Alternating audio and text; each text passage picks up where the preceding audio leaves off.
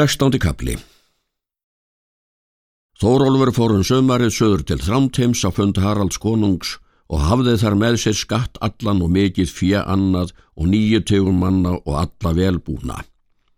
En er hann kom til konungs var þeim skipað í gestaskála og veitt þeim hér stormanlegasta. Eftir um daginn gekk Ölver núfa til Þórólfsrænda sinns. Töluðust þeir við. Sæði Ölver að Þórólfur var þá hrópaður mjög og konungur hlíti á slíkar fortölur. Þórólfur baði Ölvi byrja málsitt við konung. Því að ég mun, sæði hann, vera skamtalaður fyrir konungi ef hann vil heldur trúa rógið andra manna en sannindum og einurð er hann með reyna af mér. Annan dag kom Ölver til mótsvið Þórólf og sagði að hann hefði rætt mál hans við konung. Veit nú eigi, sagði hann, gerðin áður hvað honum er í skapi. Ég skal þá sjálfur ganga til hans, segir Þórólfur. Gerði hann svo, gekk til konungs þá er hann sati við matborði.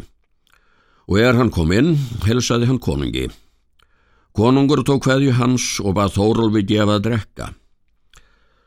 Þórólf sagði að hann hafi þar skatt þannig konungur átti er komin var að finnmörg og enn fleiri hluti hef ég til minningar við yður konungur, þá er hef yður að færa. Veit ég að því mun mér vera öllu best varið, er ég hefi gert til þakka yðvarra. Konungur segir að ekki mátti hann vænta að Þórólfin ema góðs eina. Því að ég er engis, segir hann, annars að verður en þó segja menn nokkuð tvent til hversu varfær þú munt vera hvernig mér skal líka. Egi er ég þar fyrir sönnu hafður, segir Þorlufur, en ef nokkur er segja það að ég hafi ótrúlega líst við yður konungur. Hygg ég að þeir muni vera vinir þínir minni en ég, er slíkt hafa uppborið fyrir þér, en hitt er ljóst að þeir mundu vilja vera óvinnir mínir fullkomnir.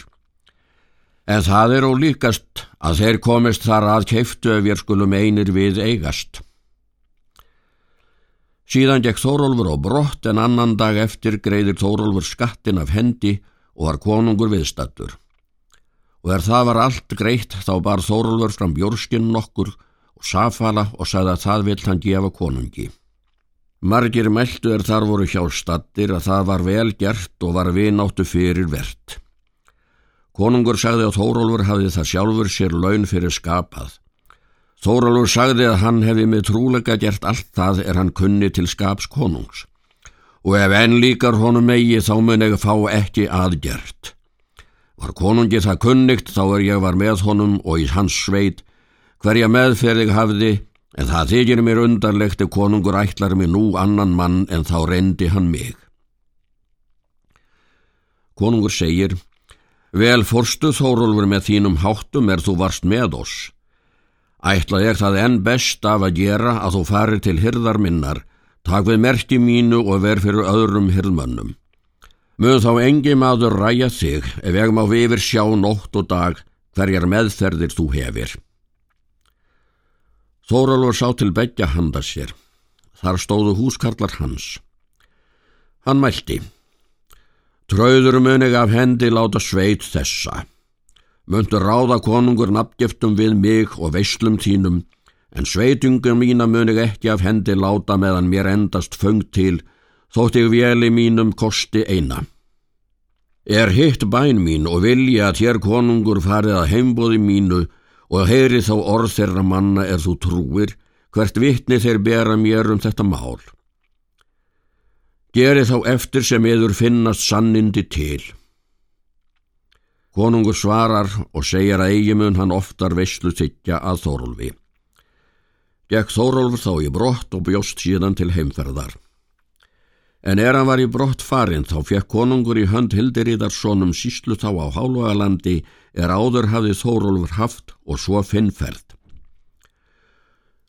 Konungur kastaði eigu sinni á bú í torgum og allar þeir egnir er Brynjólfur hafi átt, fekk að allt til varðveislu Hildiríðarssonum.